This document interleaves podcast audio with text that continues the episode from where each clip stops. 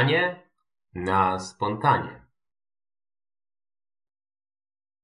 Cześć, witamy Was serdecznie w naszym podcaście z serii o zmianie na spontanie. Ja nazywam się Piotrek Podskarbi i jak zawsze ze mną Paweł Reder. Dzisiaj porozmawiamy sobie o nieco innym temacie niż w ostatnich kilku podcastach, bo tam skupialiśmy się na zagadnieniu umiejętności socjalnych i później również mówiliśmy o pewnych antyumiejętnościach, że tak to ujmę, czyli po prostu pewnych toksycznych wzorcach. A dzisiaj trochę skręcimy sobie w stronę samodyscypliny, czyli to jest to główne zagadnienie, które dzisiaj będziemy omawiać. E, coś takiego właśnie jak samodyscyplina, czy też samoregulacja, czy też siła woli, zdefiniujemy sobie pewnie dokładnie, co tutaj mamy przez to na myśli. E, no i właśnie myślę, że to jest w sumie dobre pytanie na początek, e, żeby właśnie od tego wyjść, czyli co Twoim zdaniem, e, Pawle, nazywamy aktem samodyscypliny?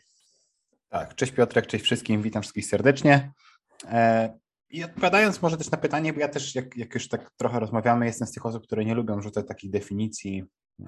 pewnych konceptów, więc może zdefiniuję sobie samodyscyplinę tak po swojemu, czyli co ja rozumiem pod tą definicją. E, uważam, że to jest po prostu umiejętność zarządzania swoimi emocjami mm, i można powiedzieć myślami w taki sposób, żeby wyegzekwować plany, które się wcześniej ustaliło. Czyli jeżeli mam pewien plan,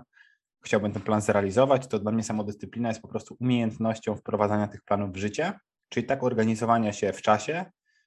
i tak organizowania się emocjonalnie, aby być zdolnym, żeby te rzeczy wykonać, niezależnie od tego czasem, czy mi się chce to zrobić, czy nie. Natomiast jest to dość szeroki koncept, jeżeli chodzi o właśnie taką e, samodyscyplinę, która wychodzi z dobrego miejsca, czy nie wychodzi. Myślę, że dzisiaj cały podcast o tym porozmawiamy.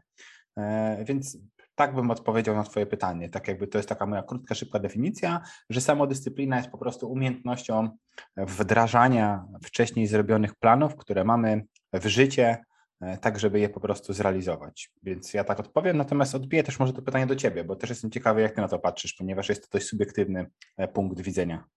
Mm-hmm. No tak, na pewno podoba mi się też to, co na wstępie w ogóle powiedziałeś, że nie ma e, jakiejś takiej jednoznacznej definicji, albo może ona istnieje, ale nie będziemy się trzymać jakichś takich może słownikowych definicji, bo tu też nie o to chodzi. E, tak naprawdę, nawet jeżeli jakieś definicje takich terminów używanych w psychologii, czy w umie, powiedzmy w rozwoju osobistym istnieją, to i tak wiele osób rozumie je w inny sposób niż ta jakaś słownikowa definicja mówi, więc warto po prostu sobie to e, na starcie definiować, a niekoniecznie trzymać się jakichś dogmatów i twierdzić, że jak ktoś to nazywa e, inaczej, to mówi źle. Mm, chyba, że naprawdę jakoś skrajnie by to odbiegało od tych e, definicji. No i według mnie ta samodyscyplina jest na pewno w, jakimś, w jakiejś mierze, w dużej mierze sądzę, tym czym mówisz, czyli faktycznie jest to umiejętność trzymania się pewnego planu, a ja bym do tego jeszcze dodał taką, y, taki trochę inny aspekt, czyli odraczania nagrody. W pewnym sensie trzymanie się planu też na tym polega, natomiast ja, to y, patrzę, ja na to patrzę pewnie tak bardziej z perspektywy badań, które czytałem na temat samodyscypliny, tak zwanego słynnego eksperymentu Marshmallow, w którym jego twórca Walter Miskel dał dzieciom do wyboru, czy będą jadły smakołyka od razu, czy też poczekają 10 minut, żeby ten smakołyk otrzymać drugi, czyli żeby po prostu móc zjeść dwa po 10 minutach. I ten test po prostu sprawdzał umiejętność odraczania nagrody, czyli umiejętność wyboru większej nagrody później zamiast mniejszej nagrody teraz. No i według mnie to jest właśnie takim aktem samodyscypliny, czyli umiejętność wyboru większej nagrody później zamiast mniejszej E, nagrody teraz. I też myślę, że ta definicja się sporo od tej twojej nie różni, może, może ujmuje pewne dodatkowe aspekty. Ale właśnie wspomniałeś o tym, że ta samodyscyplina czasami może wychodzić e, ze złego miejsca. I ja też mam dużo takich obserwacji, że czasami ludzie używają samodyscypliny zupełnie nie tam, gdzie ja bym się spodziewał, że warto to robić. I jak ty do tego podchodzisz? Do czego e, właśnie powinniśmy używać samodyscypliny, a do czego niekoniecznie? Mhm. Tak, no bo samodyscyplina to też jest taki duży koncept, pod który można wstawić dużo rzeczy i uważam, że mm, ona jest często też nadmiernie rozumiana, czyli dużo mieliśmy takich ciekawych też podcastów, tematów, w których mówiliśmy o na przykład o pewności siebie, e, że kiedyś myśleliśmy, że pewność siebie rozwiązuje wszystkie problemy, i samodyscyplina uważam, że też może być takim trochę konceptem, e, że można by pomyśleć, że jak się ma samodyscyplinę, to wszystko jest łatwe i po prostu osoby, które realizują się, się na każdej ścieżce, czy tam realizują się na, w świecie biznesu, czy realizują się w świecie sportu, e, to są po prostu osoby, które mają dużo w sobie samodyscypliny. Natomiast uważam, że fundamentem do samodyscypliny, przed zanim przejdziemy do tego, żeby sprawdzić, czy w ogóle jest, jest, jest ona nam potrzebna, jest dobre zaplanowanie swojego życia i swoich celów, e, tak żeby te cele były w zgodzie z nami, bo jakby uważam, że dobrym miejscem jest to, że ciężko, nieważne co byśmy robili, ciężko będzie tak, żebyśmy tak zaplanowali swoje życie, że robimy w tym życiu tylko rzeczy, które lubimy robić. E, ponieważ, no weźmy na, na przykład, jako przykład sobie ten podcast. No, nie uważam, że muszę e, używać do tego podcastu dużo siły woli. Czyli jeżeli powiedziałbym, że samodyscyplina wiąże się z siłą woli, no to nie muszę używać tej siły woli, żeby nagrać podcast, ale już muszę mieć jakąś samodyscyplinę, tak żeby zorganizować swój dzień w taki sposób, żebyśmy mogli teraz przysiąść i ten podcast nagrać. Więc uważam, że jest to element samodyscypliny, ale nie ma tu takiego podejścia siłowego, czyli nie ma tu tego, że dla mnie takim indykatorem, wskaźnikiem, który obrazuje mi, że coś jest nie tak, jest to, kiedy zbyt dużo rzeczy musiałbym robić siłowo, czyli musiałbym tak się siłować z rzeczywistością, czułbym, że robię coś wbrew sobie, ale bym zaplanował, że muszę to zrobić, natomiast z drugiej strony y, też jako przykład mogę podać, nie wiem, otwieram sobie firmę, jednoosobową działalność, no i mam pomysł, że będę świadczyć usługi, robię coaching na przykład. No i teraz okazuje się, że e, robię coaching, ale raz w miesiącu muszę zrobić jakąś dokumentację dla księgowej, podsumować wszystkie E, ilość spotkań, którą miałem, ile zarobiłem pieniędzy, żeby to chociaż wysłać do księgowej, żeby mi to rozliczyła. I załóżmy, że nie lubię robić papierkowej roboty. Lubię robić tylko tą pracę, albo u mnie o, w sprzedaży też tak miałem, że lubię robić pracę rozmowy z klientem, spotkań z klientem i prezentacji, ale już jak mam potem wypełniać jakieś druki, wygrywać je do systemu, do tego mi się robić nie chce.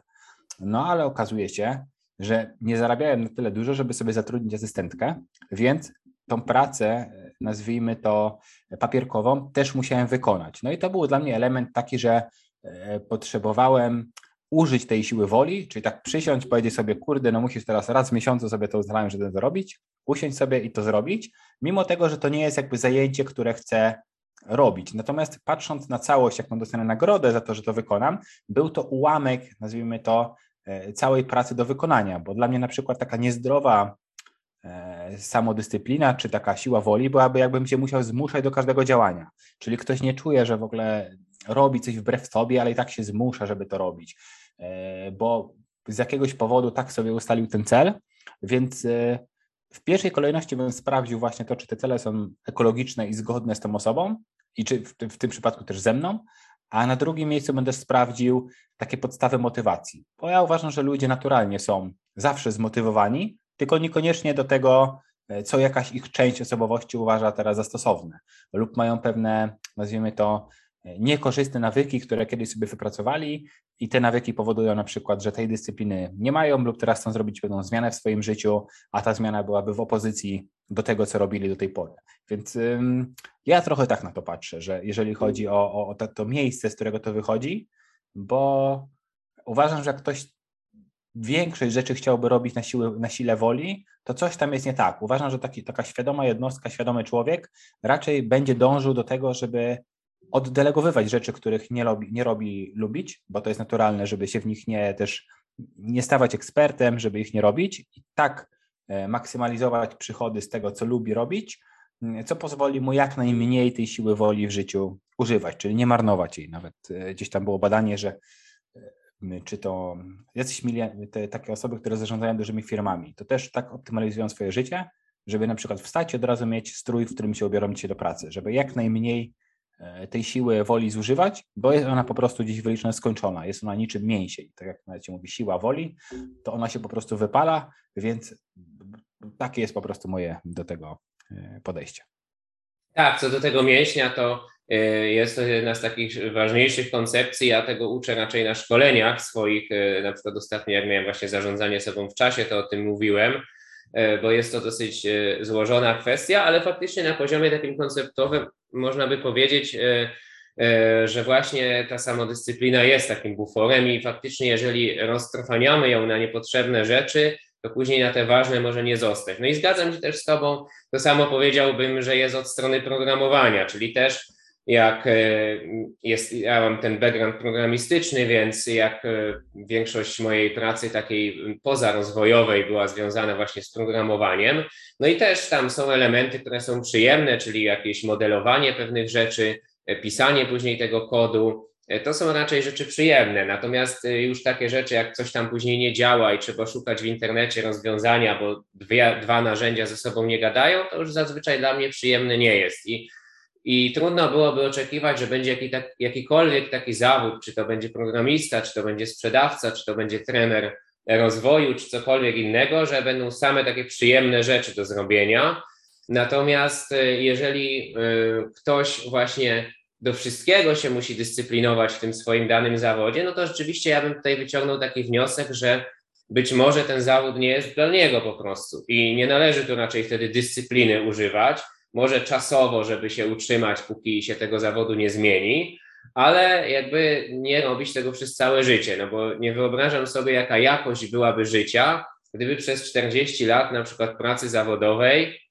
robić to, czego się nienawidzi. I, I, uważam, że wręcz y, trudno byłoby nazwać sukcesem, jeżeli ktoś tak przez życie przejdzie, y, no bo tak jak mówię, no jaka byłaby jakość i satysfakcja z tego życia, więc y, uważam, że do takich kwestii to samodyscyplina może być wręcz źle y, wykorzystana. No i myślę, że to też y, nie jest kwestia jedyna, bo, bo wydaje mi się, że też ważne jest to w kontekście też zdrowia, czyli ludzie potrafią się dyscyplinować do tego, żeby na przykład pracować więcej, i fajnie jest taką umiejętność mieć. Ja miałem takie momenty, że miałem jakiś ważny projekt i po 12 godzin pracowałem, ale to było chwilowo i później to wróciło do normy. Natomiast jak ktoś znowu robi z tego nawyk i tak próbuje siebie wrzucić w taki młyn, żeby to był jego styl życia, praca po 12 czy więcej nawet godzin, no to to jest według mnie szkodliwe dla zdrowia i to jest taki przykład na, złą, e, na złe użycie samodyscypliny, bo tak naprawdę neguje się w ten sposób też e, potrzebę, którą jest po prostu odpoczynek, więc e, dla mnie też jest to po prostu nie tyle nawet, jakby to ująć, jest to złe ukierunkowanie tej samodyscypliny, o tak bym może powiedział, nawet, nawet nie tyle kwestia tego, że ktoś się przełamuje czy nie przełamuje, tylko po prostu nawet jeżeli się przełamie, to to nie jest sukces, bo E, bo jest ona źle ukierunkowana. Czyli nie jest to jakby porażka samodyscypliny, tylko źle ukierunkowana samodyscyplina. Tak, no tutaj ja myślę, że można sporo takich przykładów szukać, bo uważam, że faktycznie czasami też się z tym zgodzę, że można docisnąć, e, na przykład kończysz jakiś projekt, dociśniesz go, żeby skończyć go trochę szybciej, ale dostajesz za niego nagrodę, która pozwoli ci tę siłę woli zregenerować. Czy uważam, że też w życiu jest trochę ważny taki balans, żeby rozumieć pewne cykle. I czasem właśnie użycie tej siły woli, żeby skończyć pewien cykl szybciej, ale dostaniemy nagrodę za to później, jest dość e, cenną umiejętnością, żeby umieć ją wykonać. No i to, ty powiedziałeś, czyli że uważam, że e, bardzo ważne jest właśnie to, żeby być takim autonomicznym w tym wyznaczaniu swoich celów i żeby te cele były nasze. Mm, ponieważ, no okej, okay, jeden przykład może być taki, że ktoś ma e, przez lata nic się od niego nie wymagało i to wynika trochę z modelu wychowania, czyli załóżmy rodzice wszystko za kogoś robili, e, dziecko nauczyło się, że e, nie musi e, nic sobie ogarniać, czyli że życie jest łatwe, wszystko dostaje pod nos, pieniądze spadają od świętego Mikołaja i nie trzeba w ogóle w życiu nic robić, to to faktycznie taka osoba będzie musiała sobie zbudować nawyk dyscypliny, czyli zrozumieć po pierwsze, to jest to jakby większa też praca taka, myślę, indywidualna, żeby zrozumieć po prostu, że jest to jakiś, żyła w utopijnym świecie, a teraz ten utopijny świat przestał istnieć i żeby zrealizować swoje życie, potrzeba mieć taką właśnie dyscyplinę, czyli rozumieć, co się chce zrobić e, i umieć tak siebie zorganizować, żeby to robić, ale faktycznie taką, no jako ja nawet tak mogę powiedzieć taki przykład, że jakiś czas temu zacząłem uczyć się francuskiego i wynikało to z tego, że po prostu mam przyjaciół we Francji, poznałem ich, bardzo podobał mi się język, zawsze po prostu kochałem słuchać tego języka, i naturalnie chciałem mówić. Uważałem, że to jest w ogóle coś super cool, takie jak będę mówić po francusku, to będzie mega fajnie. No i zacząłem się uczyć tego języka i to zaczęło mi sprawiać przyjemność. Czyli mogę powiedzieć, że ten proces nauki był dla mnie taki, że nawet nie, ja nie uważałem, że się uczę wtedy. Że z ciekawości coś sprawdzałem, wchodziłem i nagle widziałem, że efekty są dość szybko, ale znów nie powiedziałbym, że używałem jakiejś dużej siły woli, żeby zacząć to robić, bo wynikało to z tego, że po prostu było to bardzo spójne ze mną. Czyli ewidentnie czułem, że to jest coś, co ja wewnętrznie sam chciałbym zrobić, a jako kontrargument na przykład podam to, jak chodziłem do liceum i kazali mi się uczyć niemieckiego. I musiałem się nauczyć niemieckiego, bo tam były jakieś wymogi, a naprawdę y, jest to jeden z takich języków, których mniej lubię, nazwijmy to. Mam jakieś podstawy, ale po prostu jak miałem powiedzieć coś po niemiecku, to aż myślałem, że źle się po prostu bardzo z tym czułem. I to powodowało, że ten cel nie był mój, czyli po prostu uczyłem, miałem się uczyć niemieckiego, bo ktoś mi kazał i teraz jak już wiedziałem, że zaraz będzie sprawdzian, ktoś sprawdzi, czy tam zrobiłem jakiś postęp w tym niemieckim, to ja po prostu każda minuta mojego czasu, który poświęcałem na naukę tego języka, trwała jak godzina i męczyłem się strasznie, musiałem się po prostu zmuszać, walczyć ze sobą, żeby to zrobić, a z drugiej strony mam ten kontrprzykład, gdzie robię coś naturalnie i wręcz czuję się jeszcze bardziej naenergetyzowany po tym, jak to zrobiłem, bo to też jest trochę dla mnie taki wyznacznik, czy sprawdzam sobie, na ile się czuję energetycznie po czymś, co zrobię. Czyli zawsze jak na przykład nagramy podcast, czuję się jeszcze lepiej niż się czułem przed, a jakbym robił coś wbrew sobie, to zazwyczaj czuję się taki wydrenowany, że nic mi się nie chce. Mhm. Tak, no zgadzam się z tą autonomią właśnie, co, to co poruszyłeś, że y, jeżeli sam coś wybierasz i to nawet wymaga jakiegoś czasami przełamania, bo powiedzmy, że ktoś, że jesteś zmęczony, czy, czy wymaga to jakiegoś przerwania zadania, czy y, y, czynności, którą robisz, no to jednak jeżeli to sam wybierasz, to jest dużo łatwiej, tak jak właśnie z tym językiem. Wydaje mi się, z tym niemieckim to chyba coś jest na rzeczy. Pamiętam, że u nas w liceum też tak było. I też tak się śmialiśmy, że na pierwszej lekcji było die Umwelt i potem wszystko, wszyscy się pytali, jakie się nowe słowa nauczyłeś. I cały czas tylko było die Umwelt, die Umwelt z, pierwszego, z pierwszej lekcji, bo nikomu się nie chciało uczyć tego, tego niemieckiego. Chociaż tak dla kontrastu to na przykład słucham niemieckiej muzyki, więc nie do końca tak to jest, ale, ale jest to tak rzeczywiście z tymi językami, że, że mamy jakieś takie swoje preferencje, no i wtedy jeżeli ktoś nas zmusza, to, to jest to, to idzie to jak po grudzie. A ja w ogóle mm, przechodząc już do takich poważniejszych rzeczy, to chciałem właśnie nawiązać też do badań, bo to, co mówimy, czyli ta autonomia, to jest taka kwestia,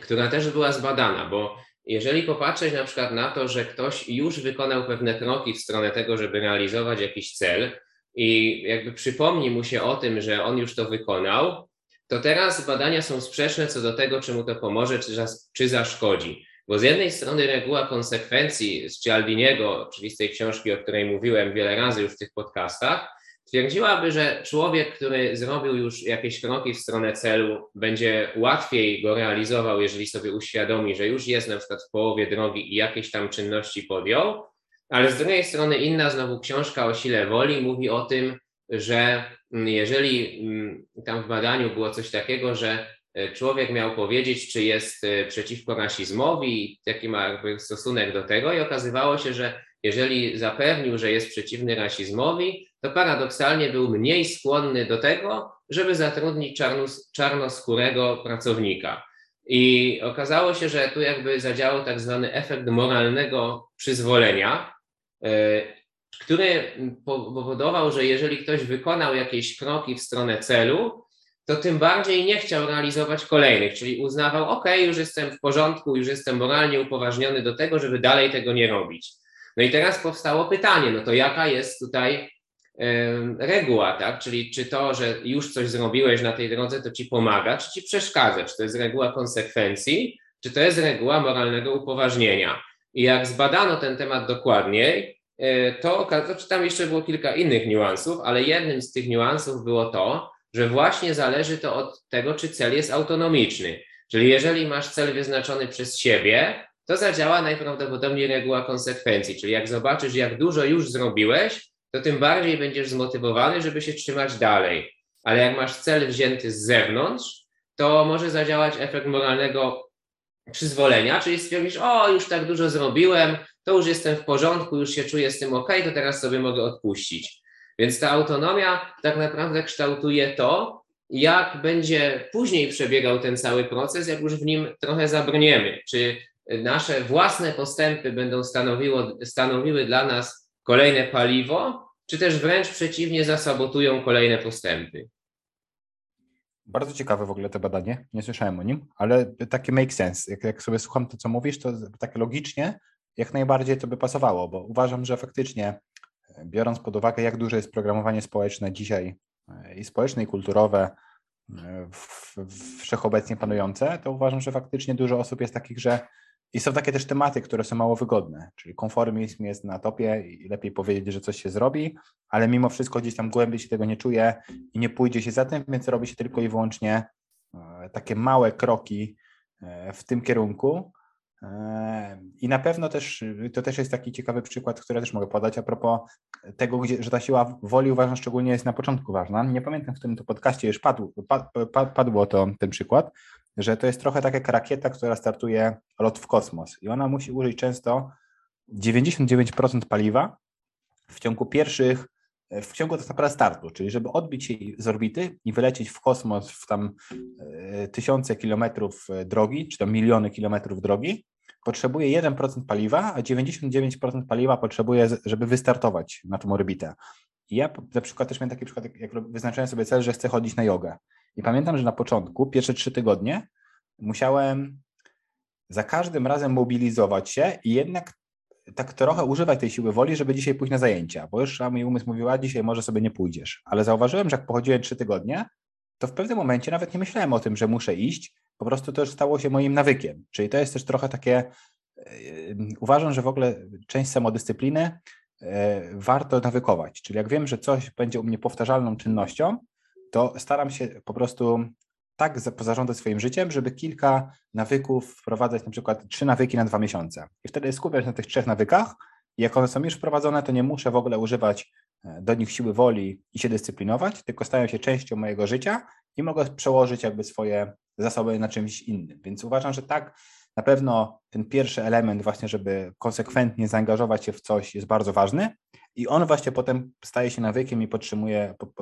pomaga utrzymać się w tym procesie, że, że nie trzeba już tak dużo tej siły woli na to zużywać, o ile w ogóle trzeba zużywać, jeżeli ten cel jest wspólny, w pełni spójny z, z nami.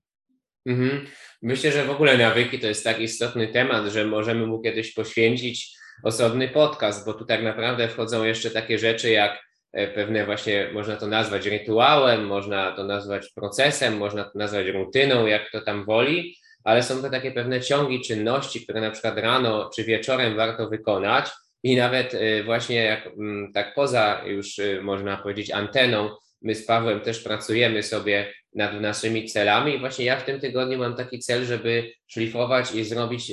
nawyki E, czy też pracować nad nawykami właśnie tych takich wieczornych i porannych rutynek, czyli takich ciągów czynności. Myślę, że warto o tym kiedyś powiedzieć, bo rzeczywiście jest dokładnie tak, jak powiedziałeś, czyli że nawyk, jeżeli e, już się uformuje, to, to ta czynność przestaje zużywać nam właśnie ten bak siły woli i możemy zużyć to na coś innego, więc to jest bardzo dobra strategia no bo tak naprawdę jesteśmy w stanie trochę tak jak dochód pasywny to traktować, czyli jak zbudujemy sobie jakieś źródło dochodu, pas, dochodu pasywnego, już nic nie trzeba robić i z tego cały czas są profity. I tak też ja trochę traktuję nawyki, że to jest taki dochód pasywny, czyli nie muszę już płacić y, swoją dyscypliną, zasobem kognitywnym za to, żeby coś się dobrego dla mnie działo, tylko jakby mój organizm za to samodzielnie odpowiada, dba o to jakby E, samodzielnie. Więc to jest fajna sprawa,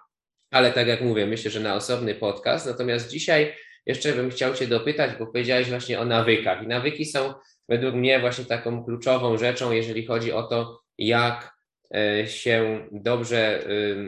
samoregulować, można by to powiedzieć, czyli właśnie jak e, tą dyscyplinę trzymać, czy nawet w takim szerszym ujęciu realizować te swoje plany ale czy potrafiłbyś jeszcze podać jakieś strategie na to, jak właśnie być zdyscyplinowanym? Czyli załóżmy, że już mamy dobrze określony cel, już wiemy, że on jest faktycznie nasz i faktycznie on jest dla nas dobry, e, ale mimo wszystko na przykład się podłamujemy i nie robimy tego, co trzeba, czy to jest prokrastynacja, czy gdzieś tam sobie podjadamy, albo nie chce nam się iść na tą siłownię, czy, czy jakiś sport, e, to właśnie co można by tutaj robić? Mhm. Przychodzi, wiesz co, przychodzi mi do głowy kilka rzeczy i kilka takich schematów. Bo pierwszy jest taki, kiedy na przykład cel byłby dla mnie wymagający, na przykład załóżmy, że jest to trening na siłowni, który wymaga ode mnie dużego wydatku energii i naturalnie moje ciało, kiedy jest zmęczone, nie chciałoby tam iść. Czyli ja na przykład zauważyłem kiedyś u siebie, że mam tak, że nie chce mi się iść na przykład na siłownię, ale jak już na nią pójdę, to nagle nie wiadomo skąd zyskuję energię i chce mi się zrobić trening. Czyli czuję się dobrze, jak wejdę w, w, na siłownię, to zaczynam nagle mieć dużo energii i chce mi się poćwiczyć. I teraz strategia, którą tu używałem, to jest przewidywanie, czyli zauważenie, że faktycznie tak będzie i zauważenie, że to jest powtarzalny wzorzec, co powodowało mi mówić, nie, w tym momencie mój mózg mnie tylko oszukuje, on tylko teraz tak ma, że nie chce mu się, muszę tylko przewalczyć ten, tą chwilę wyjścia z domu, jak już wyjdę z domu i dojdę, to wszystko będzie ok. I to jest dla mnie taki przykład e, przewidywania i planowania trochę, czyli rozumienia siebie w kontekście, kiedy mam, nie chce mi się czegoś zrobić, ale jest to jakiś wydatek energii, czyli muszę włożyć w tę energię. A jeszcze inną sytuację, która też mi przyszła do głowy teraz, to jest taka, w której mam coś do zrobienia, ale pojawi się jakaś pokusa, czyli coś, co jest bardziej atrakcyjne niż to, co mam teraz do zrobienia i teoretycznie też jest to ok. Czyli tu powiedzmy miałbym alternatywę to, żebym został w domu i odpoczywał, co jest dla mnie mało kuszące, nazwijmy to, ale załóżmy, że miałbym taką opcję, że miałbym do skończenia projekt i nagle pojawiłoby się jakieś ciekawe wyjście ze znajomymi. No i znam przypadki, szczególnie jak mieszkałem gdzieś tam i też moich znajomych, którym takie wyjście ze znajomymi pojawiało się codziennie. I przez to potem dużo projektów po prostu mieli niepokończonych. I tutaj stosuję bardziej strategię e, patrzenia na to pod względem konsekwencji. Czyli planowania trochę tak swojego życia, że zastanawianie się, jakie będą negatywne konsekwencje e, tego, że nie ukończę na przykład zadania, które sobie zaplanowałem. I czy jestem w stanie te negatywne konsekwencje zaakceptować, czy jestem w stanie może wykonanie tego projektu odroczyć w czasie, czy zrobić go kiedy indziej będzie dalej ok, czy jednak muszę go skończyć tu i teraz w tym momencie, bo jest to istotne e, dla całości. Bo właśnie mm, też gdzieś napomniałem o tym na początku, ale to jest dla mnie dość istotne, żeby właśnie planować trochę właśnie tak jakby całe swoje życie holistycznie, czyli czasem jest tak, że skończymy coś e, krótko i potem będziemy mieli w nagrodę dwa tygodnie wakacji, a tak jakbyśmy robili trochę w kratkę, czyli trochę porobię, trochę poodpoczywam, trochę nie porobię, tutaj zacząłem, nie skończyłem, to ani nie popracowaliśmy i nie mamy zrobionej pracy, ani nie mamy wakacji, bo nie wypracowaliśmy sobie na przykład dochodu na te wakacje. I no, to, to są jakby dla mnie takie właśnie istotne kwestie, czyli często jak mam zaplanowany jakiś cel, to tak staram się zoptymalizować wszystko wokół te, tego celu, żeby nic mnie nie rozpraszało i potencjalnie nie odciągało mojej uwagi od tego, co mam zrobić. Czyli żeby nie skupiać się na rozpraszaczach potencjalnych, które mogą się pojawić, czyli też przewidzieć, jakie to mogą być i je jak, jak w największym stopniu je wyeliminować po prostu. Ja dodałbym do tego jeszcze coś w rodzaju takiego stanu wyjątkowego, czyli jeżeli zdarzyłoby mi się w życiu, że e, zawaliłem samodyscyplinę i spowodowało to jakieś poważne zagrożenie w moim życiu, to jakby wprowadzam sobie trochę na, na moment taki stan wyjątkowy w swoim życiu, który zakłada, że ignoruję wszystkie rzeczy, które jakby nie są w tym momencie pilne, e, tylko na przykład są jakimiś długofalowymi celami i skupiam się na tym, żeby po pierwsze to zagrożenie jakby oddalić, a po drugie wyciągnąć wnioski, co zrobić, żeby w przyszłości tego zagrożenia nie było. I czasami te zagrożenia właśnie miały związek z samodyscypliną, czyli na przykład gdzieś tam zauważyłem, że zaniedbałem swoje zdrowie, E, I już stwierdziłem, że nie, no to już jest taki moment, kiedy trzeba e, wprowadzić sobie e, samemu ten jakby taki stan wyjątkowy, przerwać ten młyn pracy i zrobić sobie poważne przemyślenie, co z tym można dalej zrobić. No i wtedy jakby wyciągałem z tego takie wnioski, że właśnie hmm, co sprawiło w ogóle, że tą samo, że jakby tą samodyscyplinę zaniedbałem, czy na przykład co sprawiło, że E, mimo tego, że czułem się źle, no to nic z tym nie zrobiłem. Na przykład nie poszedłem do lekarza albo nie zmieniłem diety albo coś w tym rodzaju. E, czyli odtworzyłem sobie cały ciąg przyczynowo-skutkowy, jakie były kolejne błędne decyzje, które mnie doprowadziły do błędnych wniosków i do błędnych działań. I często z tego potem wyciągałem wnioski na przyszłość, jak się można zabezpieczyć. Czyli dla mnie trochę takie studium przypadku własnego jest dobre. Jeżeli zawali się coś ważnego, to warto się nad tym pochylić i poświęcić temu naprawdę trochę więcej czasu, żeby opracować strategię, co zrobić, jeżeli analogiczne wydarzenie będzie miało miejsce mm, w przyszłości. Co to się chyba nawet nazywa e, motywacją progową, z tego co pamiętam. Gdzieś taki kiedyś słyszałem koncept, że próg chodzi tutaj w tym kontekście motywacja progowa, czyli jaki jest taki krytyczny punkt, który musi zostać przekroczony, żeby ktoś podjął akcję. I można powiedzieć, że to jest nawet trochę jak, jak, motywacja od i do, czyli mówi, mówi się, że część osób motywuje i większość uważam społeczeństwa motywuje się negatywnie, czyli ucieka od, ciągle od rzeczywistości, czego nie chce robić i ucieka od tego. I to ich napędza, czyli dochodzą do momentu, kiedy jest coś, czego w życiu nie chcą i dopiero wtedy czują się zmotywowani, energię znajdują do tego, żeby coś z tym zrobić, a taka świadoma, oso świadoma osoby bardziej motywują się do, czyli widzą, że ich życie w miarę teraz jest ok, ale dalej widzą, że warto zadbać o niektóre rzeczy, bo wtedy tej siły woli jeszcze mniej będą używa, używać i po prostu to życie będzie jeszcze, tak, jeszcze bardziej zoptymalizowane i będzie im się żyło jeszcze, na, będą żyli po prostu na jeszcze wyższym jakościowo poziomie. Czyli można powiedzieć, że taka motywacja klasyczna od to jest nie chcę być chory, czyli ktoś zaczyna robić cokolwiek ze swoim zdrowiem w momencie, kiedy już się rozchorował, czyli idzie do lekarza, jak już jest naprawdę duży kryzys, a lekarz nagle go pyta, no to, to co pan, pięć lat pan nic nie robił z tym? A ktoś mówi, nie no, jeszcze tak mocno mnie nie bolało, to jeszcze nic z tym nie robiłem. No i mhm. wtedy zazwyczaj okazuje się, że to już jest za późno. Czyli jak nagle zaniedbaliśmy na przykład swoje ciało przez wiele lat, no to nie będziemy w stanie go zmienić w ciągu roku. A z drugiej strony osoba taka świadoma już nie patrzy na to, że nie chce być chora, tylko ma po prostu na przykład koncept, chce być witalny, albo chce być zdrowy, chce być e, pełen energii i dba o zdrowie profilaktycznie, czyli nie musi rozchorować się, żeby zacząć coś robić ze swoim zdrowiem, tylko już czuje się zdrowa. Tak jak widzisz, chodzimy na przykład na siłownię, już jesteśmy zdrowi, ale jest świadomość tego, że o to trzeba dbać, że to jest trochę jak takie mycie zębów, że nie można zacząć myć zęby dopiero jak ząb ci się, jak ci się zepsuł, bo to już jest trochę zbyt późno, żeby to robić. Trzeba po prostu o to zadbać profilaktycznie wcześniej, żeby nie dopuścić do tego, żeby ten ząb był po prostu E, zepsuty. Bo też e, to jest właśnie takie ciekawe, natomiast jedna rzecz, którą ja też chciałem Cię zapytać, jak Ty w ogóle widzisz połączenie między samooceną a samodyscypliną? Czy te dwa koncepty dla Ciebie się jakoś łączą ze sobą i korelują? No, myślę właśnie w taki sposób, jak e, to wcześniej powiedziałeś, czyli to, co powiedziałeś, ja bym określił jako taka proaktywność, czyli osoba, która właśnie dba o swoje zdrowie i chce być witalna, to jest taka osoba proaktywna. No i mm, ta, ta postawa proaktywna jest takim efektem, albo nawet można powiedzieć zarówno trochę efektem, jak i też przyczyną, czyli jest takie sprzężenie zwrotne, jeśli chodzi o samoocenę i poczucie własnej wartości. Czyli jeżeli ktoś jest proaktywny, to zwykle to poczucie wartości jego będzie na dobrym poziomie, albo przynajmniej jest to jedną ze składowych, która to poczucie wartości podnosi. E, czy też samoocenę, bo tutaj w tym momencie używam tego zamiennie. Więc moim zdaniem jest tak, że jeśli ktoś jest bardziej świadomy, czyli też znowu ma jakiś taki filar, który podtrzymuje jego samoocenę na dobrym poziomie, jego poczucie wartości, to przeważnie będzie w stanie łatwiej się dyscyplinować albo w ogóle tego nie będzie musiał robić, bo będzie miał pewne rzeczy u siebie w głowie poukładane. Też elementem, który według mnie, i o tym mówiliśmy wiele razy, i w podcaście o samo, właśnie o samoocenie, czy tam poczuciu wartości, czy w podcaście o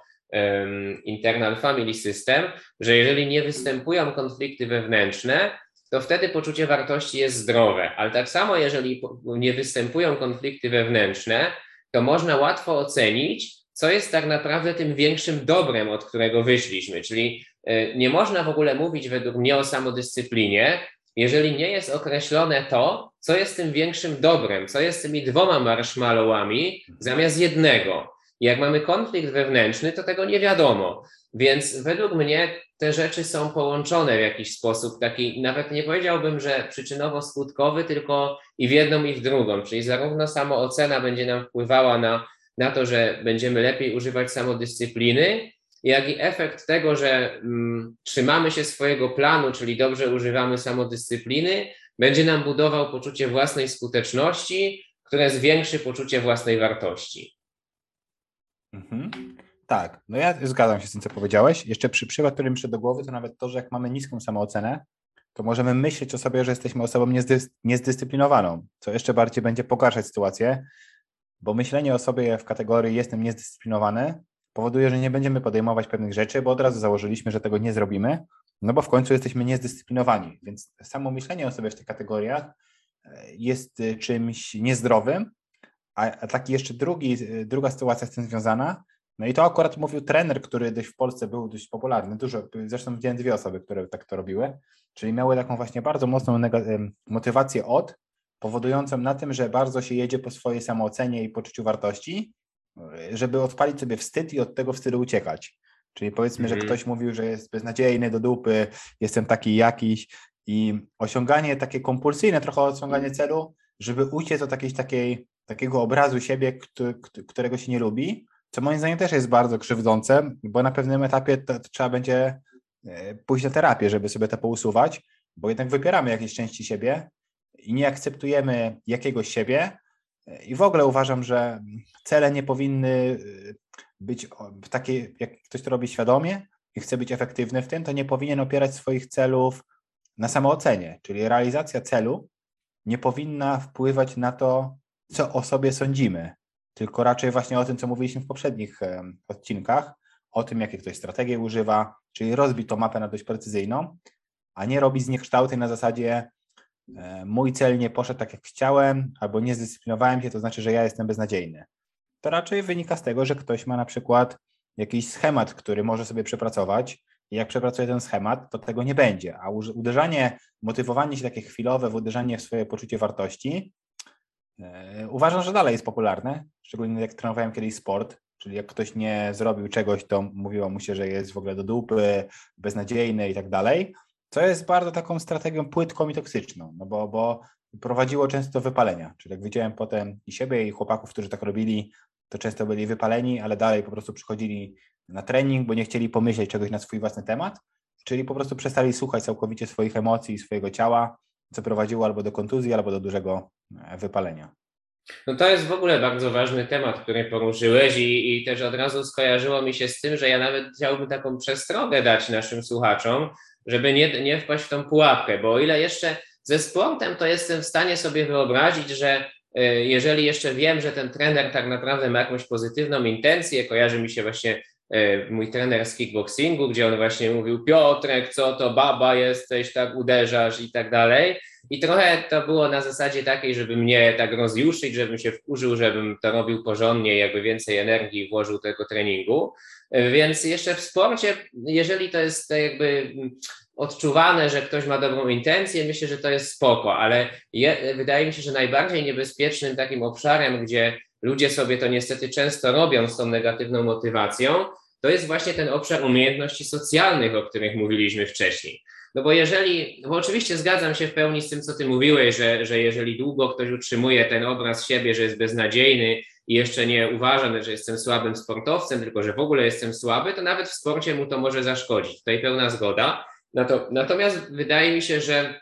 o tyle jeszcze w sporcie jest to mniej niebezpieczne, bo najwyżej, no nie wiem, będę w, w kontekście samego tej, samej tej czynności mocniej uderzał w worek, albo nie wiem, silniej kopał, albo może niedokładniej kopał, ale no w każdym razie jakoś to się skrupi tylko i wyłącznie na mnie. Natomiast w umiejętnościach takich socjalnych, jeżeli ktoś do tego próbuje się dyscyplinować, czyli na przykład ktoś stwierdza, tutaj dosłownie mówię jak niektórzy, że moje życie wygląda jak gówno, bo nie mam znajomych, jestem sam, nikt mnie nie lubi i tak dalej, będzie się w ten sposób chciał zmotywować do tego, żeby się na przykład przełamywać do kontaktów z ludźmi, to uważam, że wyjdzie z tego niezły pasztet, dlatego że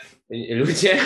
ludzie będą e, odrzucali taką osobę, bo będą widzieli tą wewnętrzną frustrację. I według mnie właśnie takie podejście w tym stylu jest, jest złe, czyli może prowadzić do tego, że ktoś myśli, że musi sięgnąć dna, żeby się odbić, ale według mnie czasami sięgnięcie tego dna spowoduje, że właśnie ktoś się załamie i tym ciężej mu się będzie odbić. Więc nie dla każdego takie coś będzie działać, i uważam, że bardzo trzeba uważać na takich trenerów, którzy coś takiego instalują, bo tu naprawdę można sobie zaszkodzić. I, i ja w ogóle bym, y, po pierwsze, jakby mi ktoś przyszedł i powiedział, że on uważa, że moje życie wygląda jak gówno, to ja bym po pierwsze zaczął się zastanawiać nad tym, jaki jest tutaj koncept mentalny, jakie emocje, dlaczego tak ktoś mówi, dlaczego ma takie zniekształcenie w głowie i tak dalej i popracować z tymi emocjami, żeby je wyrazić, żeby, ok, jeżeli rzeczywiście mu coś zagraża, to to poustawiać, ale dopiero z miejsca, kiedy będzie już względnie chociaż jakoś y, poukładana ta kwestia emocjonalna, to dopiero zacząć wychodzić jakoś szerzej do ludzi. a nie z miejsca kompletnej desperacji zacząć na przykład szukać kobiety do związku albo szukać e, partnerów do biznesu. Także dla mnie no to jest to, jest to straszna, e, powiedziałbym, głupota, e, ale może to zaszkodzić niektórym, dlatego tyle czasu temu poświęciłem, żeby taki apel trochę zrobić. Bo też kojarzy mi się to z taką sytuacją, że po prostu ta samodyscyplina czasami niektórych osób jest też nadmierna i wydaje mi się, że taka nadmierna samodyscyplina może wynikać właśnie z czegoś takiego, że ktoś tak bardzo ucieka od czegoś, czego nie chce, że później no, robi sobie krzywdę w inny sposób. I chciałbym też Ciebie o to zapytać, jak widzisz właśnie taki problem, że ta samodyscyplina jest nadmierna? Bardzo fajnie podać przykład. On mi trochę otworzył też oczy. Jak tak słuchałem tego, to mi się pojawiło trochę takich rzeczy, więc ja może jeszcze trochę wrócę i to połączę z tym, o co ty mnie zapytałeś. Jasne. Że ja tu w ogóle bym wyróżnił takie poziomy, żeby sobie nawet, nie wiem, podzielić to na poziom pod, podstawowy, początkujący, średnio zaawansowany i zaawansowany. I uważam, że coś, co będzie działać dla kogoś na poziomie zaawansowanym, będzie fatalną radą dla kogoś na poziomie początkującym. Bo nawet mi tak przychodzi przez myśl to, jak, jakbym dawał rady komuś, kto jest w sprzedaży. Jak wiem, że ktoś jest poukładany, jego problemem jest tylko to, że nie może się zmotywować do pracy, to faktycznie czasem taka ostra motywacja, jak powiedzenie róż dupę i weź się do roboty, podziała na tą osobę, a dla kogoś, kto nie ma w ogóle fundamentów, będzie jeszcze, będzie po prostu zabójstwem, bo ta osoba będzie miała dużo e, negatywnych przekonań na swój własny temat, które tylko wzmocni i jej to przeszkodzi. Więc to jest fajne, bo my też dużo takich dotykamy tematów miękkich z poczuciem wartości i uważam, że jak ktoś ma duży problem socjalnie, to jego wskazówką dla niego i złotą radą nie będzie to, żeby wychodził więcej robił więcej interakcji socjalnych, tylko żeby przepracował sobie w pierwszej kolejności rzeczy, które mówią mu, że coś jest z nim nie tak w pierwszym miejscu. I to, to jest takie wyszczególnienie, bo uważam, że jak ktoś na przykład chciałby być takim sportowcem na poziomie top, jedzie na olimpiadę i tak dalej, no to musi mieć ogromny poziom takiego e, pracy, którą musi wykonać i bardzo często nie będzie mu się chciało tego zrobić. Rozmawiałem też kiedyś z osobami, które pływały, że mówiły, że musiały wskakiwać o 5 rano codziennie do basenu, bo tam trener kazał i to na pewno nie jest coś, co ktoś by zrobił sam z siebie często i trzeba tej siły woli dużo użyć, ale dla mnie to tak jak rozmawialiśmy na początku tego podcastu, jak zaczęliśmy, że ta ilość tej siły woli musi być jakoś ukierunkowana, że widzimy ten większy cel i rozumiemy, że, że, że no nie zawsze nam się będzie chciało, ale że ta nagroda jest warta tego, żeby to zrobić i żeby to była część procesu. A jeżeli dla mnie ktoś ciągle musi się do wszystkiego e, dyscyplinować i motywować, to tam jest coś głębiej nie tak ja bym to zdiagnozował w pierwszym miejscu, bo no można oczywiście, tak jak ktoś mi kiedyś taką metaforę, że można to patrzeć, czy, czy bierzemy kredyt, da, czy nasza dana, dana, decyzja życiowa w tym momencie to jest branie kredytu, e, czyli jakiejś przyjemności, dawanie sobie, czy jest to forma inwestowania. I dla mnie taka skrajna, nadmierna dyscyplina, to można by powiedzieć, że to jest ciągłe inwestowanie, czyli że ktoś ciągle wykonuje pracę i przeinwestowuje. No ale to też jest mm, pytanie, czy na przykład relaks nie jest wtedy formą inwestycji po jakimś czasie, bo, uważam, że balans jest tutaj odpowiedzią na to i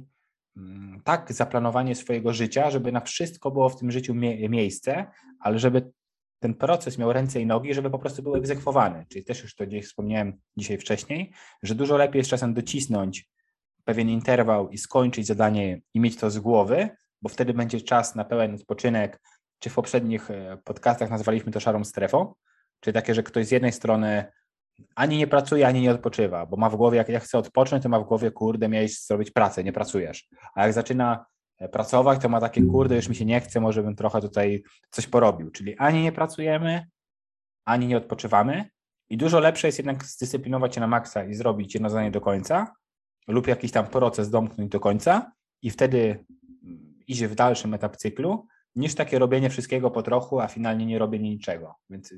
ja po prostu tak na to patrzę, bo uważam, że jak ktoś jest dość świadomy i dobrze to układa, to w ogóle nie będzie się musiał prawie dyscyplinować. W sensie nie będzie musiał inaczej. Nie będzie musiał używać siły woli, bo będzie miał to na poziomie nawykowym, że będzie to robił naturalnie i nie będzie czuł, miał takiego wrażenia, że walczy z rzeczywistością, bo to jest dla mnie odróżnienie. Czyli na przykład nagrywamy teraz podcast i dla mnie nagrywanie podcastu jest takie bezwysiłkowe, że sobie gadam i fajnie mi się o tym mówi, super jest energia i czuję się z tym mega dobrze, a dyscyplinę bym miał taki, rozumiałbym to w taki sposób, żeby musiał się do czegoś zmusić, powiedział, kurde, powiedziałem sobie, że dzisiaj to musi być skończone i bym czuł taką wewnętrzną walkę, ale też czasem rozumiałbym te konsekwencje, że jak to zrobię, to czeka na mnie nagroda i to jest dużo lepsze hmm. niż jakbym teraz odpuścił, nie dokończył tego zadania i je zostawił. Tak, ja taki temat e, właśnie tej nadmiernej, e, nadmiernej e, samodyscypliny też widzę w taki sposób, że niektórzy postrzegają życie w ogóle, że to cały czas będzie taka walka. No i oczywiście, że będą jakieś konteksty takie, w których to może tak wyglądać, czyli jak ktoś wybrał na przykład życie żołnierza albo wybrał życie boksera zawodowego, no to faktycznie może tak być, że całe to jego życie będzie taką walką, ale to ktoś robi z wyboru, można powiedzieć. W przypadku żołnierzy to może nie zawsze, tak, ale, ale w wielu przypadkach ktoś to robi z wyboru, albo przynajmniej ma świadomość tego, że ma taką ścieżkę, która jakby tego wymaga. Natomiast wiele osób zauważyłem w rozwoju osobistym, ma takie wyobrażenie co do, nazwijmy to w uproszczeniu, zwykłego życia, czyli mam powiedzmy jakąś tam pracę, nic mi takiego nie zagraża, poza tym, no powiedzmy, co się każdemu może wydarzyć, tak, ale po, poza jakimiś takimi rzeczami to mi nic w życiu nie zagraża specjalnego, a cały czas to życie traktuję jako jakąś taką wewnętrzną walkę i według mnie właśnie wiele osób podchodzi do życia w ten sposób, że zawsze to będzie jakaś walka, i że zawsze na przykład prowadzenie jakiegoś tam swojego biznesu będzie walką. E, e, staranie się o to, żeby mieć dobre relacje, też będzie walką. Wstawanie nawet rano też będzie walką. E, iście na siłownię też będzie walką. I wszystko sprowadza się do takiej walki, i często do tego jest podpięta znowu taka narracja płynąca z programowania społecznego, więc znowu w fajny sposób się to łączy z takim naszym chyba motywem przewodnim, który przez wszystkie te podcasty przechodzi, czyli właśnie tego mm, życia w tych bańkach, w tych naszych wewnętrznych historiach i w tym programowaniu społecznym, które często kojarzy takie postawy z męskością, czyli wydaje się komuś, że jeżeli będzie miał więcej takiej wewnętrznej walki w swoim życiu, to będzie bardziej męski na przykład. A według mnie wcale tak to nie jest, czyli e, osoba, która więcej musi się dyscyplinować do tego, żeby robić pewne rzeczy, na przykład właśnie e, chociażby nagrywać jakieś materiały, czy też realizować jakikolwiek swój inny plan, to niekoniecznie będzie to mężczyzna, który jest bardziej męski, tylko może to być mężczyzna, który będzie po prostu bardziej wewnętrznie skonfliktowany. Bo dla mnie, jeżeli ktoś ma taki problem, że nie potrafi wstać rano i musi się do tego zdyscyplinować, albo każdy trening, i to nie mówię znowu o jakimś treningu kulturysty czy treningu zawodowego sportowca, tylko o, o treningu takim po prostu, jak, jak się robi kilka treningów na przykład w tygodniu dla właśnie zdrowia i dobrego samopoczucia, to jeżeli ktoś do tak prostych rzeczy się musi cały czas bardzo dyscyplinować, no to według mnie to, to znaczy, że prawdopodobnie coś tu jest ze zdrowiem nie tak, lub też ze zdrowiem, można powiedzieć, takim mentalnym, psychicznym. I, i okej, okay, jakiś czas być może to będzie konieczne, żeby się dyscyplinować, dopóki się tego problemu nie rozwiąże, ale jeżeli ja bym miał taki problem, żebym nie potrafił stać rano i musiałbym się do tego motywować, to w pierwszej kolejności poszukałbym tego, czy ja po prostu nie jestem chory. No bo, bo to jakby, jeżeli człowiek jest młody i nic mu nie dolega, to według mnie jest to trochę naturalną rzeczą, że chce mu się wstać. I tak samo jest dosyć naturalną rzeczą, żeby mm, zrobić jakiś wysiłek sportowy, po to, żeby się poczuć dalej. Oczywiście, tak jak ty powiedziałeś, ja też czasem tak mam, że nie chce mi się iść na tą siłownię i dopiero jak zacznę ćwiczyć, to wtedy jestem e, już pobudzony już mi się dalej chce, ale to są, to jest jakaś niewielka doza tej samodyscypliny i nie jest to codziennie bynajmniej. Ja tak jak mówię, ja teraz była właśnie zima, to kilka razy było tak, że szedłem na siłownię w śnieżycy jakiejś i nawet tego nie traktowałem jako akt samodyscypliny, chociaż nie było to przyjemne, bo wiedziałem, że się będę bardzo fajnie czuł po treningu. Więc dla mnie takim problemem z nadmierną mm, samodyscypliną też często jest to, że właśnie ktoś niepotrzebnie zupełnie podpina do tego jakąś historię na zasadzie, jeśli się dużo dyscyplinuje, to jestem tym czy tamtym, a tak naprawdę w ten sposób często dyscyplinuje się do rzeczy, do których w ogóle nie musi się dyscyplinować i traci ten bufor na e, rozpraszanie się, a jakby do tych potem ważniejszych rzeczy mu tego albo nie zostaje, albo nawet zostaje to paliwo, ale ludzie gdzieś tam po nim widzą, wyczuwają to, co kiedyś mówiliśmy o pewności siebie właśnie, że osoba pewna siebie nie ma takich tarć. To jest to taki samochód, który płynnie jedzie, a nie taki, który y, cały czas szarpie. I właśnie ta walka wewnętrzna, ten, ten nadmiar samodyscypliny jest często odbierany jako takie szarpanie i widać po takiej osobie, że właśnie też nie jest w wielu kontekstach pewna siebie. Więc mnie się to jeszcze kojarzy w taki, w taki sposób. Mm, no i wydaje mi się, że tak, no, że to jest, to jest jakiś duży problem, który warto gdzieś tam w sobie też zdiagnozować. No mi się tylko, to jest takie typowo, dla to, co powiedziałeś, taka walka wieczna z rzeczywistością, to to jest dużo pracy na przekonaniach, mi się wydaje. Właśnie to jest bardziej taka terapia, coaching na przekonania do zrobienia, no bo faktycznie to jest, to jest takie dla mnie taki przykład właśnie self-help junkie się to mówiło w Stanach, czyli osoby takie, które mają tak wygórowane jakiś prototyp tego, kim mają być, czy to jest takie kompulsyjne ego, że ktoś im wmówił, że mają być super i oni po prostu muszą każdy dzień i, i często to się tak trochę duchowo, niektórzy to tłumaczą, że nie wiem, że oni teraz robią to z miłości do samego siebie, że po prostu wstają i muszą idealnie wypić green shake'a E, bo będą zdrowi, potem muszą zrobić, wypisać 50 rzeczy, za które są wdzięczni, potem muszą zrobić to, gdzie to się w taką staje kompulsją, że ktoś nie ma normalnego życia, tylko ciągle sobie narzucił, co musi robić, to robi i walczy z tym, żeby to robić, więc to jest takie, wtedy się pojawia pytanie, co by się stało, jakbyś tego nie zrobił, czyli jak kochasz siebie, to nie musisz w sumie walczyć, to, to naturalnie to z ciebie e, wychodzi, a właśnie ta samodyscyplina jest takim etapem, kiedy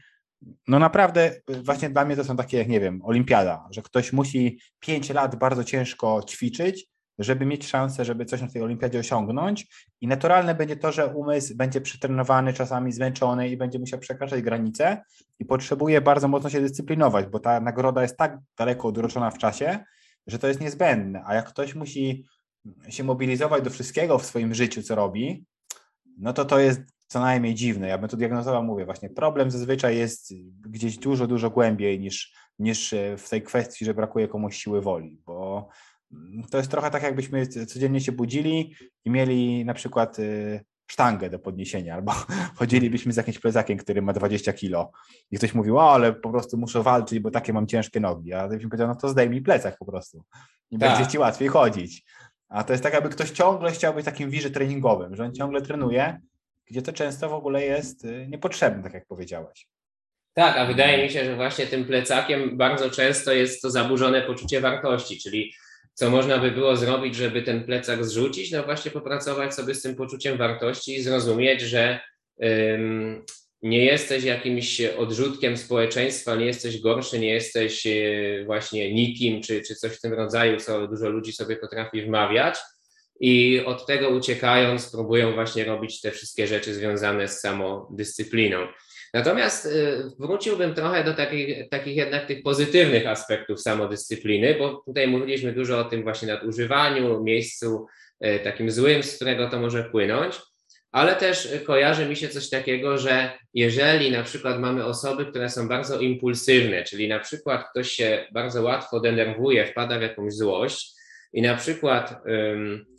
wyraża to, y, wybucha tak jakby na innych, czyli w niezdrowy sposób, y, przynajmniej według mnie, taki niezdrowy sposób gdzieś tam wyładowuje to na kimś, no to to prowadzi często do jakiejś takiej niepotrzebnej eskalacji konfliktów. I mam wrażenie, że też niektórzy, jeżeli pójdą zbyt skrajnie w to, co my mówiliśmy, czyli to, żeby jednak dać sobie przyzwolenie na różne rzeczy, no to potem mogą wpaść w taką pułapkę, że na przykład nie będą się w ogóle dyscyplinować do tego,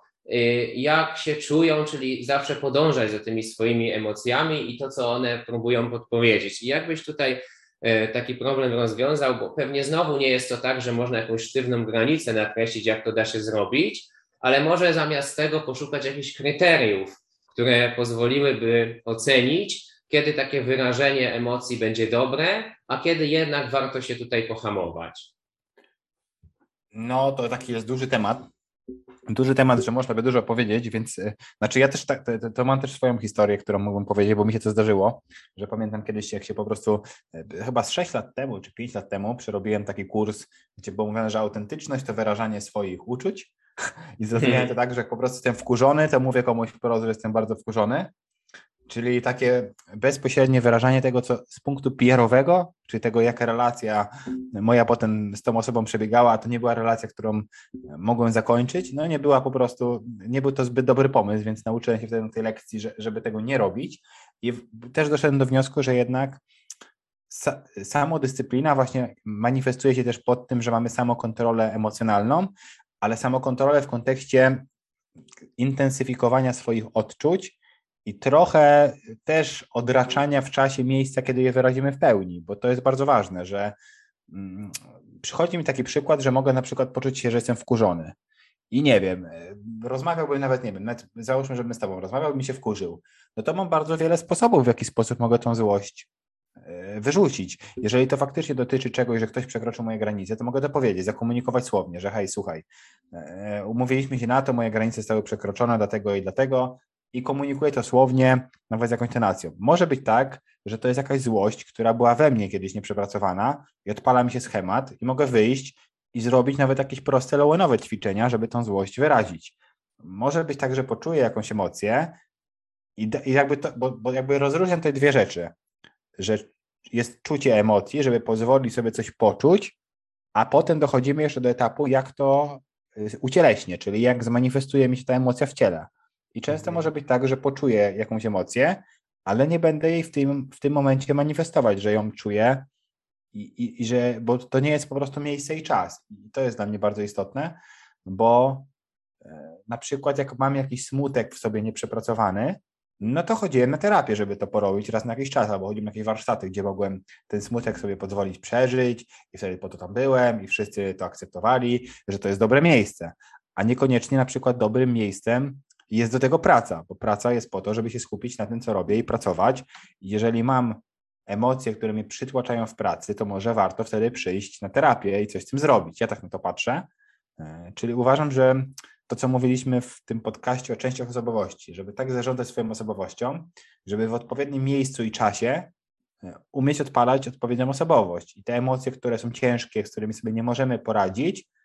warto wtedy iść na terapię i wtedy mieć miejsce na to, żeby te emocje uwalniać, a niekoniecznie na przykład na spotkaniu z klientem.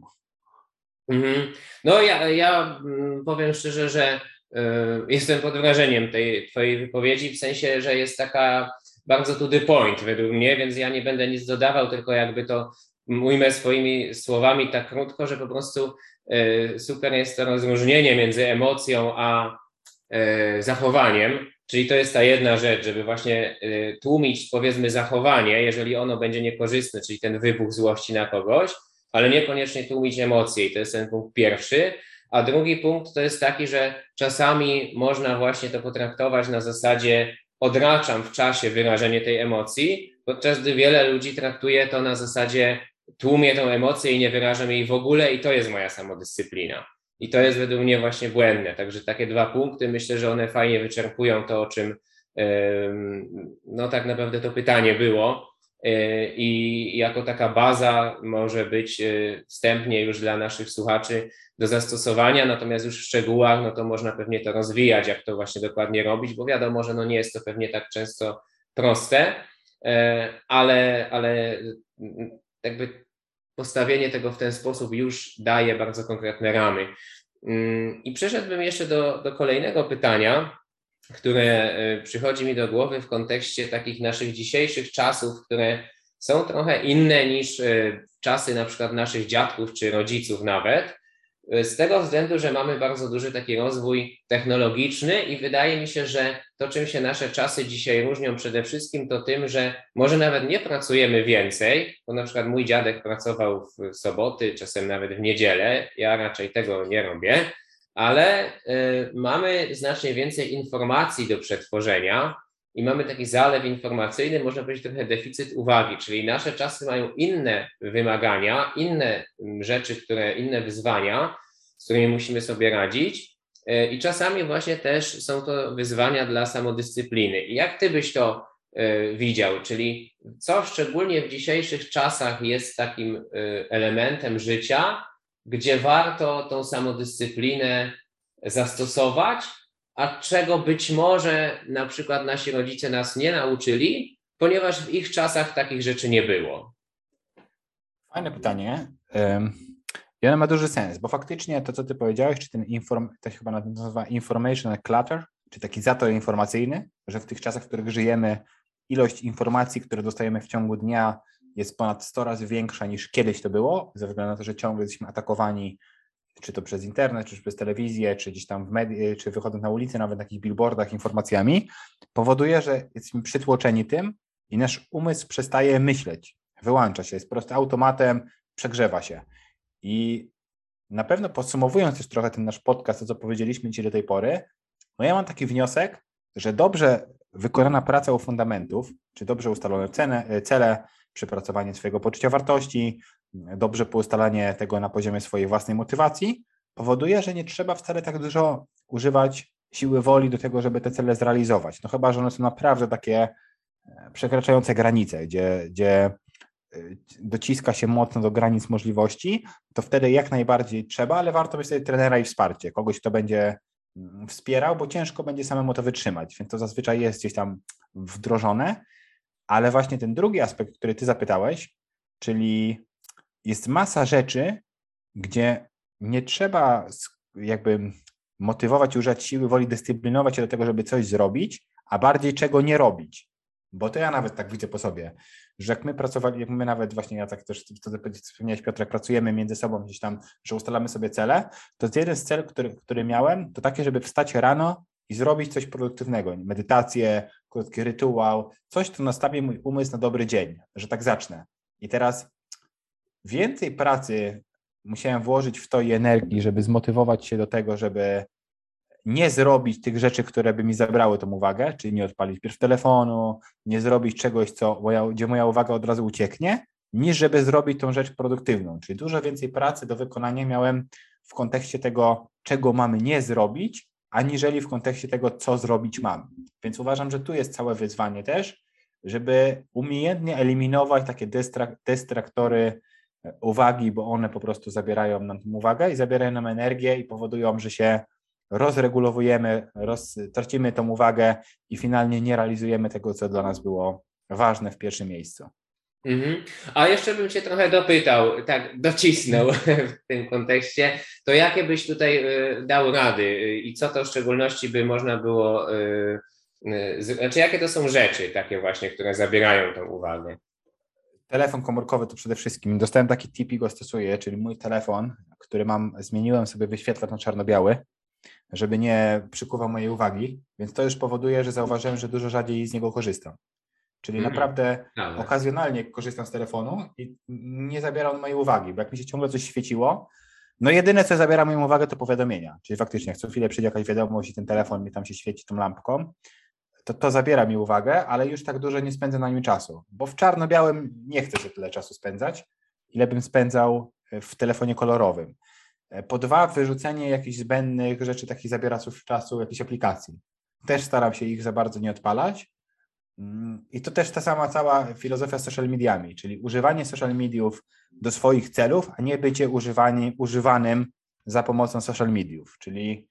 e, wrzucenie na przykład produktywnego materiału dla ludzi na Instagrama jest super, a nie cały dzień na przykład scrollowanie Facebooka i oglądanie filmików, jak w Chinach ktoś e, buduje e, dom z cegieł i cegła po cegle układa po prostu ścianę i ją betonuje. Bo takie widziałem, też filmiki się pojawiają, no tam mają jakiś viral, że ludzie dużo chętniej oglądają coś, co się realnie jakby wykonuje. Mm-hmm. Tak, no myślę, że to bardzo ważne to są te powiadomienia właśnie i to też w pracy zauważyłem, to też mówię często na szkoleniach, gdzie tam dzielę się wieloma takimi rzeczami, e, czego rozprasza, co nas rozprasza i jak tego uniknąć ale też e, powiem szczerze, że się dowiedziałem czegoś nowego, bo o, tym, e, o tej aplikacji z tym czarno-białym ekranem tego nie słyszałem. Akurat ja nie mam jakiegoś tam dużego problemu z telefonem, ale faktycznie chyba tego spróbuję, bo, bo brzmi to bardzo ciekawie. Ale bardzo na fajne, te, no. no. ale po, na pewno te powiadomienia to jest to, czego, co często ludziom właśnie mówię, że no stary, no jak ty masz się skupić na programowaniu, jak ty masz w Outlooku włączone alerty, że przyszedł mail. I teraz często się pytam, często, zdarzało mi się pytać ludzi, jak w Twojej firmie jest konwencja tego, żeby odpowiadać na maile, czyli jakby, bo u nas na przykład w pierwszej firmie, gdzie pracowałem w Gliwicach, to była taka konwencja, że mieliśmy 24 godziny na odpowiedź, odpowiedź na maila. I to nie musiała być odpowiedź na zasadzie, że już rozwiązuje problem, o którym mnie ktoś poprosił, ale na przykład odpowiedź w stylu nie mam teraz czasu, zajmę się tym wtedy i wtedy, albo to nie jest do mnie pytanie, napisz do tego i tego. Ale jakby sama odpowiedź miała być w ciągu 24 godzin. No w praktyce tam mało kto się tego trzymał, ale żeby zachować pewną kulturę firmy, to tak się umówiliśmy. I, i teraz jak z kimś rozmawiałem i pamiętam, że mówię, no stary, no jeżeli ty masz 24 godziny, czyli tak naprawdę możesz to równie dobrze zrobić jutro, jak na przykład była godzina 14, mówię, to jutro rano o 8 będziesz przeglądać maile i ty tego maila zobaczysz i wtedy na niego odpowiesz jesteś w czasie, nikt nie będzie miał do ciebie pretensji. A jeśli ktoś coś pilnego napisał, to wie o tym, że ty masz 24 godziny i ewentualnie, jeżeli to jest naprawdę pilne, to on do ciebie przyjdzie do biura, bo pracowaliśmy wtedy wszyscy w biurze i on przyjdzie do ciebie do biura i cię wtedy poprosi. Więc nie musisz mieć tych alertów w mailu. To jest kompletnie głupie. Znaczy, może tak nie powiedziałem, ale w sumie trochę tak uważam, bo, bo, bo tak dużo nam to zżera uwagi, że pracujemy na dużo mniejszych obrotach. I, i ktoś stwierdził, no kurczę, no rzeczywiście, no jeszcze mało tego, że te maile przeglądał, miał cały czas otwartego Outlooka, to jeszcze ten pasek taki na dole, który wyskakiwał za każdym razem, jak ktoś wysłał maila, a tak naprawdę dużo maili leciało na aliasy, które zawierały wielu odbiorców, bo ktoś na przykład napisał, że nie wiem, jest zbiórka na jakieś tam biedne dzieci y, w Afryce bo takie były różne akcje humanitarne, co jest super jak dla mnie, ale nie trzeba na nie odpowiadać natychmiast. Ktoś na przykład przerywał sobie, bo widział, że jest jakaś tam akcja taka typu community. No i y, potem, jeżeli ktoś jeszcze oprócz tego ma na przykład dwa komunikatory odpalone i też tam ma te powiadomienia, do tego ma telefon, w którym też ma te powiadomienia, no to to są te właśnie rzeczy, których trzeba nie robić. To, to jest oczywiście czubek góry lodowej, bo o tym można by osobny podcast w ogóle robić, czego myślę, że raczej nie będziemy robić, bo to są szczegóły bardziej techniczne, ale e, tego jest dużo i, i, i faktycznie no, dla mnie te powiadomienia, to ja zaczynam to tak traktować, nawet nie zaczynam, bo już od dłuższego czasu to tak traktuję, że to jest po prostu taki złodziej trochę, no bądź kradnie po prostu twoje zasoby kognitywne, czyli twoje jakby zdolności do pracy, czyli koniec końców twój czas, bo wykonujesz pracę wolniej. Także, także no, to jest właśnie ta kwestia dbania też o swoją uwagę, żeby nic jej nie rozpraszało niepotrzebnie. Myślę, że to jest e, też szeroki temat, na który już myślę nie będziemy się może rozgadywać, bo, bo e, czas nas goni ale myślę, że mm, no pewnie jest wiele takich sposobów, gdzie możemy sobie zapewnić to, żeby nasza uwaga była skoncentrowana na tym, na czym powinna i gdzieś to jest kluczowym elementem tego dzisiejszego świata w kontekście samodyscypliny. Tak, no ja tak myślę też, że to jest w ogóle, to, to tu jesteś specjalistą tych tematów właśnie zarządzania sobą w czasie, bo tutaj praca w jakichś blokach czasowych, tak jak ty mówisz, że często przez to, że, że tych takich rozpraszaczy, nazwijmy to, jest tak dużo już dzisiaj, że faktycznie wybijanie się te trzy minuty z takiego cyklu pracy e, jest problematyczne i dobrze zaplanowanie sobie tego cyklu pracy, że pracowanie w jakichś blokach czasowych, każdy tam sobie znajdzie jakąś strategię, no jest dużo bardziej skuteczne i faktycznie e, tutaj ten element samodyscypliny myślę jest pod kątem tego, żeby eliminować, zaplanować i wyeliminować wszystkie takie rozpraszacze, które się tylko da, bo one po prostu będą tą siłę woli i naszą produktywność e, zabijały. o, sorry. Mhm. E, także tak kończąc może trochę też, myślę, że e, wyczerpaliśmy dość mocno dzisiaj temat, dużo rzeczy poruszyliśmy. E, I co mogę powiedzieć? No tak jak zawsze zachęcamy do zostawiania feedbacku. Jeżeli ktoś jest pierwszy raz, to jest nasz pierwszy odcinek, który z nami słuchacie, zapraszamy do odsłuchania poprzednich. Dużo też tematów dzisiaj się nakładało, więc na pewno domknęłyby trochę tą wiedzę. E, I jeżeli coś potrzebujecie gdzieś tam bezpośrednio od nas, to można się też z nami kontaktować. Myślę, że będziemy w stanie Wam jakoś pomóc. Więc z mojej strony ja dziękuję serdecznie i Tobie Piotrek za świetną rozmowę e, i wszystkim, którzy tutaj dosłuchali. E, Wam również dziękujemy, bo też dla Was to głównie robimy. I do usłyszenia w kolejnym odcinku.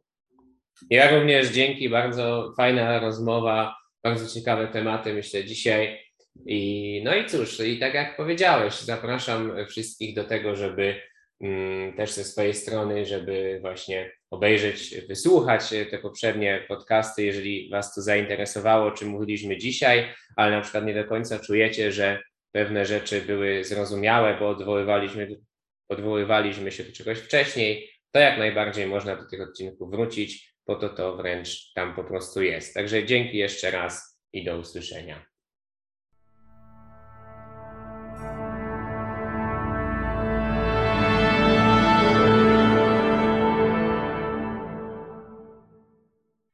O zmianie na spontanie.